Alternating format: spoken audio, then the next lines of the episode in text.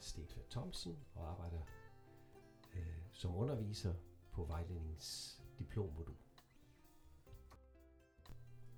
Velkommen til denne første del af podcastserien Kunsten at kunne vejlede.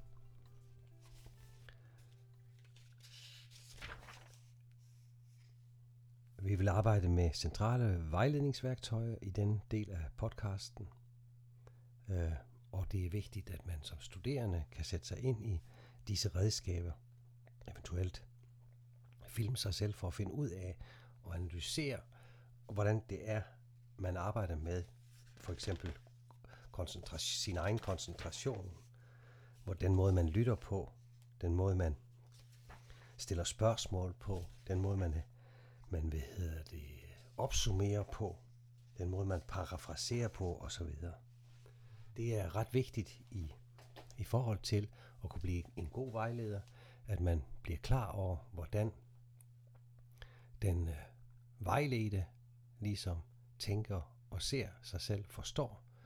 Og det er vigtigt, at man som vejleder lærer at kende sig selv i forhold til og den måde, man taler på, den måde, man spørger på osv.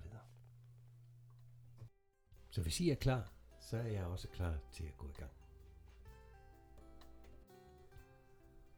Den første del er altså koncentration. Og her er det vigtigt, øh, at vejleder er opmærksom på en nærhed til den vejledte øh, i indledningen. Man kan også sige, at det er også vigtigt at være opmærksom på både nærhed og afstand, altså hvor tæt skal jeg komme på, hvor, hvor nysgerrig skal jeg være. Alle de ting handler om, at man koncentrerer sig om den anden, når man møder vedkommende. I den korte indledning er det vigtigt, at vejleder ligesom møder øh, den vejledte med varme og venlighed, signalerer, at der er tryghed i situationen, at man koncentrerer sig om det, at placere ansvaret hos den vejledte, for at et problem ligesom kan, at der kan tages hul på et problem man øh, tilkendegiver, at man som vejleder stiller sig til rådighed og er et redskab for den vejledende for at få løst et problem. Man tilrettelægger situationen, så den er komfortabel, at man føler sig trygt og varmt og godt at være, og klargør også rammefaktorer på tiden og hvor lang tid det her det egentlig skal tage.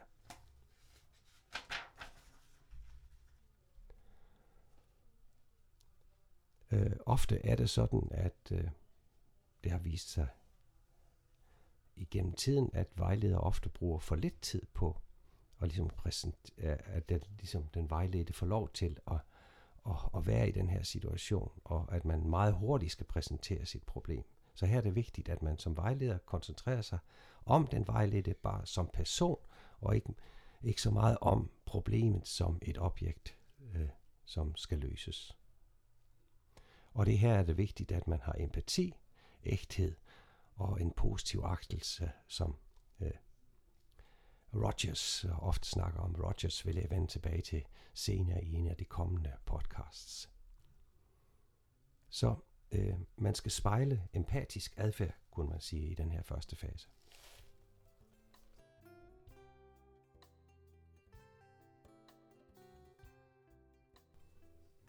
Lytning. Evnen til at lytte er forskellig fra person til person. Og vi bruger, når vi bruger øh, op mod 70 procent af vores tid til kommunikation, så vil igen være 40 procent cirka være lytning. Så vejledere øh, må lære at lytte. Og formålet med aktiv lytning i, øh, i en vejledningssamtale er at lytte med empatisk indlevelse. Altså man må forstå den anden. Man må ligesom man kunne sige, Kierkegaard siger, at vi må forstå, hvordan den anden forstår. Eller vi må lære at, at høre mellem linjerne den hensigt og den, øh, det budskab, der ligger i kommunikation. Også det vil jeg komme ind på i en senere podcast, det med budskaber i kommunikation. Så øh, på den måde lærer man at se gennem den andens briller, kunne man næsten sige. Øh, det kan både være aktiv lytning, altså hvor man ligesom øh, bekræfter og nikker og øh, øjenkontakt og andre ting, men det kan også bare være, være lytning, øh, som er mere, mere passivt orienteret. Og tål øh, stillheden er, er faktisk en rigtig, rigtig vigtig færdighed. Og kunne beherske den i en vejledningssamtale. Og øh, vejleder må, må lære at og ligesom blive bedre til det. Så øh, igennem den her aktive øh, lytning spejler vejlederen øh, den vejlededes udtryk øh, og fortsætter med at udforske øh, det her problem, som vejlederen sidder med.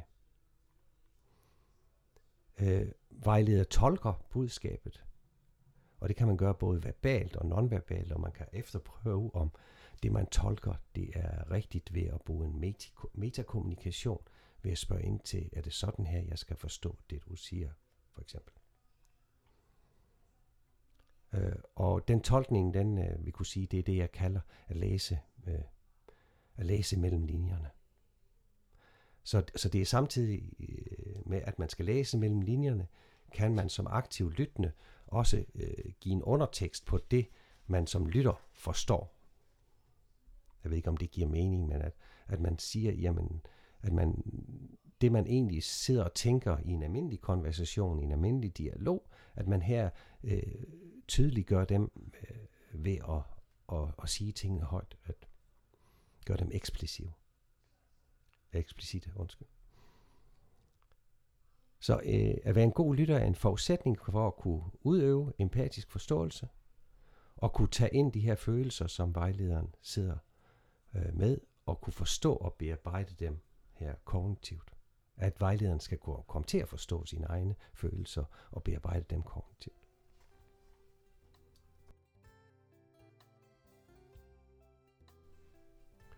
Spørgsmål. En tredje vigtigt redskab er i vejledning er spørgsmålene. Både den måde, vi stiller spørgsmålene på, og, og det, vi, det, vi siger, af det, vi spørger. Der er i vejledningslitteraturen rigtig mange øh, spørgsmålstyper beskrevet, øh, lige fra cirkulære, ledende, hypotetiske spørgsmål, Øh, øh, det vi kan sige om dem er, at, at ofte vil, kan man dele dem ind i to hovedgrupper. Man kan dele dem ind i åbne og lukkede spørgsmål. Altså, de åbne spørgsmål, de lukker døre op, og man kan sige, at de lukkede spørgsmål, de lukker dørene i.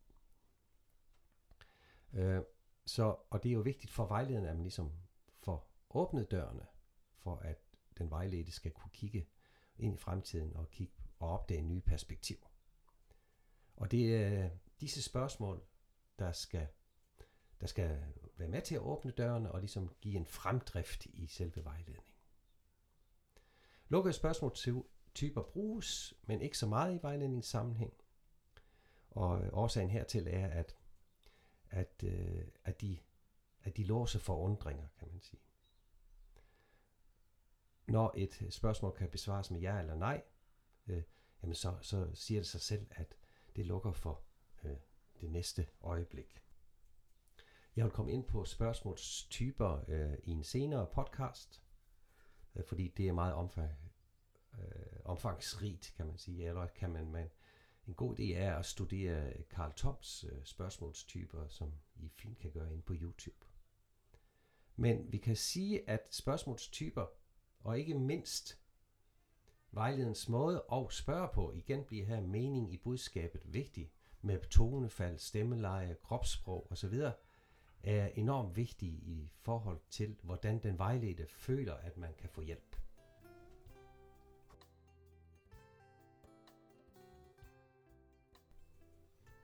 Det fjerde punkt er opsummering, og det er et vigtigt redskab i vejledningssamtalen, og det er flere grunde hertil. Den første er, at vejlederen ligesom kan forsikre sig, at man har opfattet det, vejled, den vejledte siger, på den måde, hun også har ment det.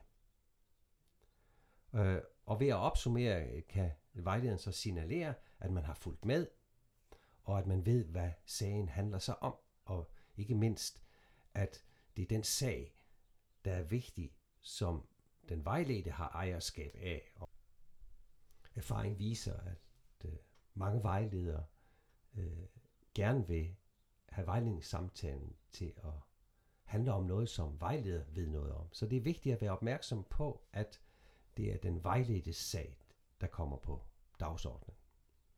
Den anden er, at, at man skal den anden årsag til, at man skal bruge opsummering, det er, at man ligesom kan sortere ud og finde ud af, hvor den vejledte befinder sig.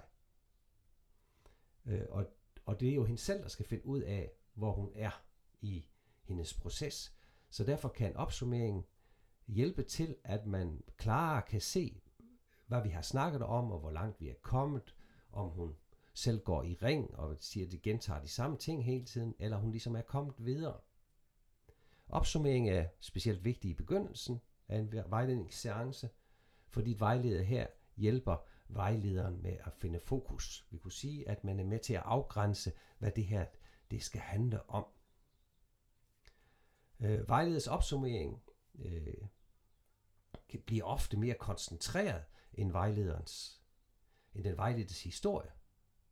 Og øh, vejlederen bruger nogle gange de samme ord, men nogle gange bruger hun også, eller han også, de egne ord. På den måde fortolker man øh, med, med, øh, med egne ord det, der egentlig sker, og det man hører. På den måde vil vejleder forsikre sig om, at man har opfattet det, som den vejledte har ment.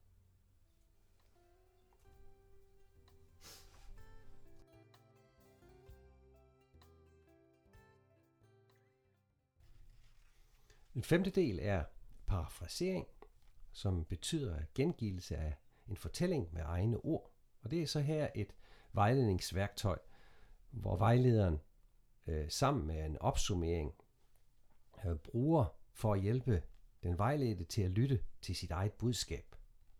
Og igen, her bliver formålet, at, at det er vigtigt, at det er den vejledte, der, der ligesom øh, får en bearbejdning, en indsigt og en løsning af sit eget problem. Altså igen ejerskab af, af problemet.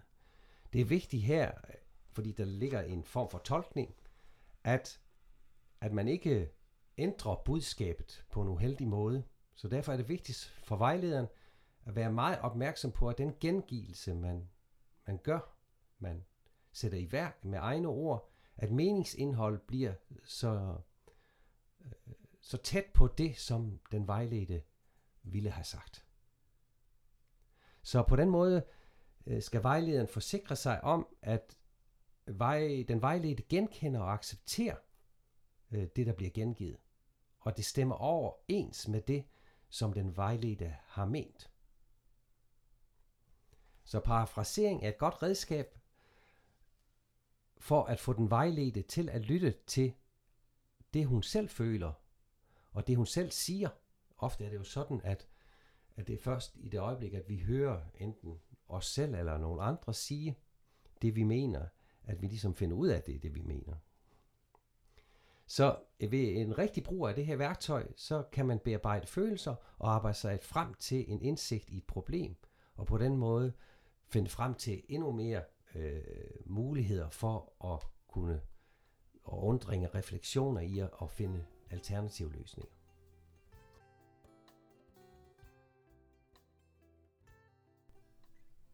Det næste punkt er spejling, og det er en variant, kan man sige. Når man spejler et budskab, så gentager man det, der er sagt øh, med den vejledtes egne ord, og på den måde giver tilbagemelding på følelsesindhold, som er på spil. Spejling og parafrasering ligner, men øh, spejling er, er ikke bare et verbalt budskab, det kan også være øh, øh, noget kropsligt. Den vejledte har brug til, for hjælp i vejledningssituationen til at sortere i, hvad hun kan bruge, eller hvad hun skal forkaste. Og, øh, og der kan spejling være et godt redskab for vejlederen i at bevidstgøre den vejledte om, hvordan andre ser hende, eller hvordan hun kan komme til at se sig selv. Og her kan kropssproget også være vigtigt, og vi gør det faktisk enormt tit, hvor vi, hvor vi sidder og spejler hinanden, og øh, hvor vi ikke er bevidste omkring det. Vi sidder med armene på kors, eller sidder med hånden under hagen på en bestemt måde og spejler hinanden. Og, og det øh, hensigt med spejling af kropssprog kan være at få den vejledte til at, at, at føle sig tryg, eller, og, og også, men også at, at se sig selv den måde, hun reagerer på. Og så må vi heller ikke glemme, at i den her spejling, at når man spejler, så værdsætter man bestemte ting i en vejledningssituation, og det i øjeblikket, man gentager den, så vil man per automatik tillægge det værdi, og dermed ligger der en slags styrings, øh, som et slags styringsredskab øh, i vejledningen, at man gentager de ting, som, øh, som, den vej, som vejlederen synes er vigtigt for den vejledte, og ligesom at kigge hen imod. Men vi skal huske, at den øh, vejledte selv har ejerskab af de her ting, men vi kan påvirke. Man kan sige, at al vejledning, øh, vi kan ikke ikke påvirke, plejer jeg at sige. Så kommer vi til nummer 7 og det er refleksion over følelser. Og her er det vigtigt, at man som vejleder øh, ligesom finder en evne frem til at opfatte og forstå følelser. Fordi det er vigtigt i forhold til at kunne øh, udøve den her empatiske forståelse over for den vejledte. Vejlederen kan hjælpe den vejledende ved at sætte ord på følelser, så de bliver tilgængelige for hende som den vejledte at kunne analysere både øh, andre og egne følelser. De her parafraseringer kan være et værktøj til at ligesom at komme ind på den her følelsesmæssige vej. Vi skal ikke lægge pres på den vejledte. Når det, gælder, når det gælder om at tilkendegive uh, følelser, uh, og her er det en vigtig kan man sige, distinktion imellem terapi og vejledning. I sidste ende er det den vejledte, som bestemmer, hvor tæt på vi som vejleder må komme.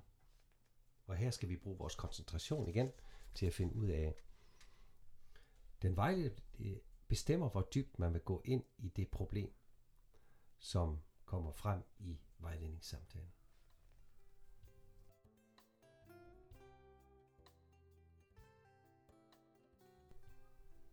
Den 8. del er udfordring. For at komme videre i en vejledningssamtale vil vejleder ofte måttet, måtte udfordre. Ved udfordring menes, at øh, vejleder forsøger at hjælpe og få den vejledte til at strække sig, kan man sige. Vejleder udfordrer for, at den vejledte får nye måder at se ting på, tænke på, blive opmærksom på nye aspekter, se nye sider ved sit problem. På den måde kan han eller hun så finde nye løsninger. Øh, den vejledte kan have nogle forskellige vanskeligheder i at komme videre og ligesom at løse problemet. Og her kan vejlederen så bidrage ved at, at ligesom øh, udfordre. To eksempler på det kunne være, du siger, at du er ikke klar til at gennemføre det her. Samtidig fortæller du, at, at du har gjort sådan noget før. Hvordan kan det være? Eller, du siger, du er ikke klar til at stå frem og sige din mening, men i forrige vejledningssamtale, der kom du faktisk med rigtig mange stærke, øh, hvad hedder det nu, svar. Hvordan kan du øh, se, eller kan du se en sammenhæng i den? I det, du egentlig har gjort her.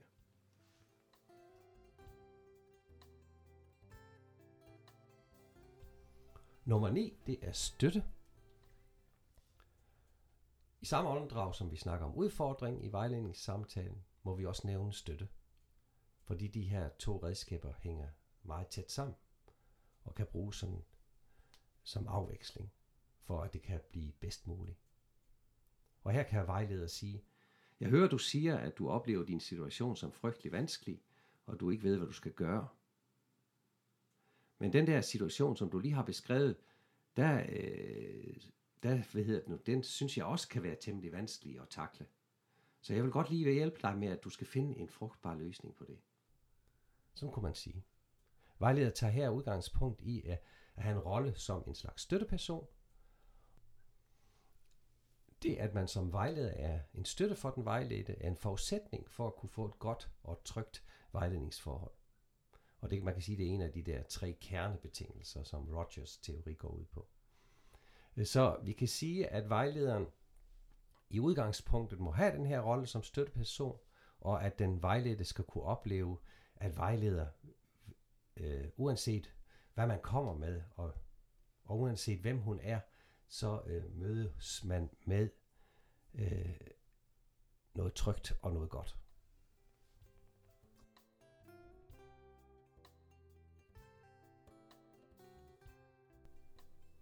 Så kommer vi til den sidste del, og det er konfrontationen.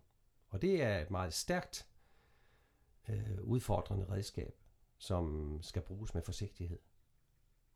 Vejleder kan være i en situation, hvor det er vigtigt at blive klar over de her modstridende oplevelser og den her vanskelige situation. Når man bruger konfrontation, så må man være meget nøje med at parafrasere nøjagtigt, og at man er, har fat på meningsindholdet, øh, som den vejledte kommer med. Så vekselvirkningen mellem støtte, udfordring og konfrontation kan blive balancegangen.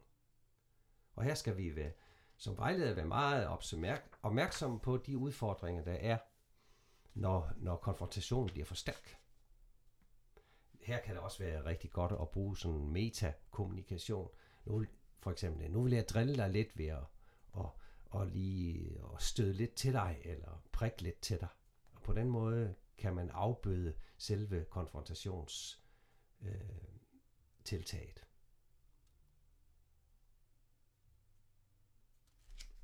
Ja, der er mange forskellige øh, grundlæggende øh, værktøjer i forhold til og redskaber i forhold til vejledning. Nu har jeg lige været inde på nogle af, af de, dem, som jeg synes er, er vigtige, og som vi måske nogle gange glemmer at, at få frem i, i, i undervisningen i forhold til vejledning, men som er vigtige i at blive en god vejleder. Det var øh, denne podcast. Jeg håber, du har syntes, at der var noget, du kunne bruge. Øh, jeg vil komme igen øh, med næste podcast, som, som vil handle om, øh, om kommunikation, om de budskaber, man sender som, øh, som vejleder, når man præcis gør nogle af de ting, som jeg har snakket om i dag. Ja, hej så længe.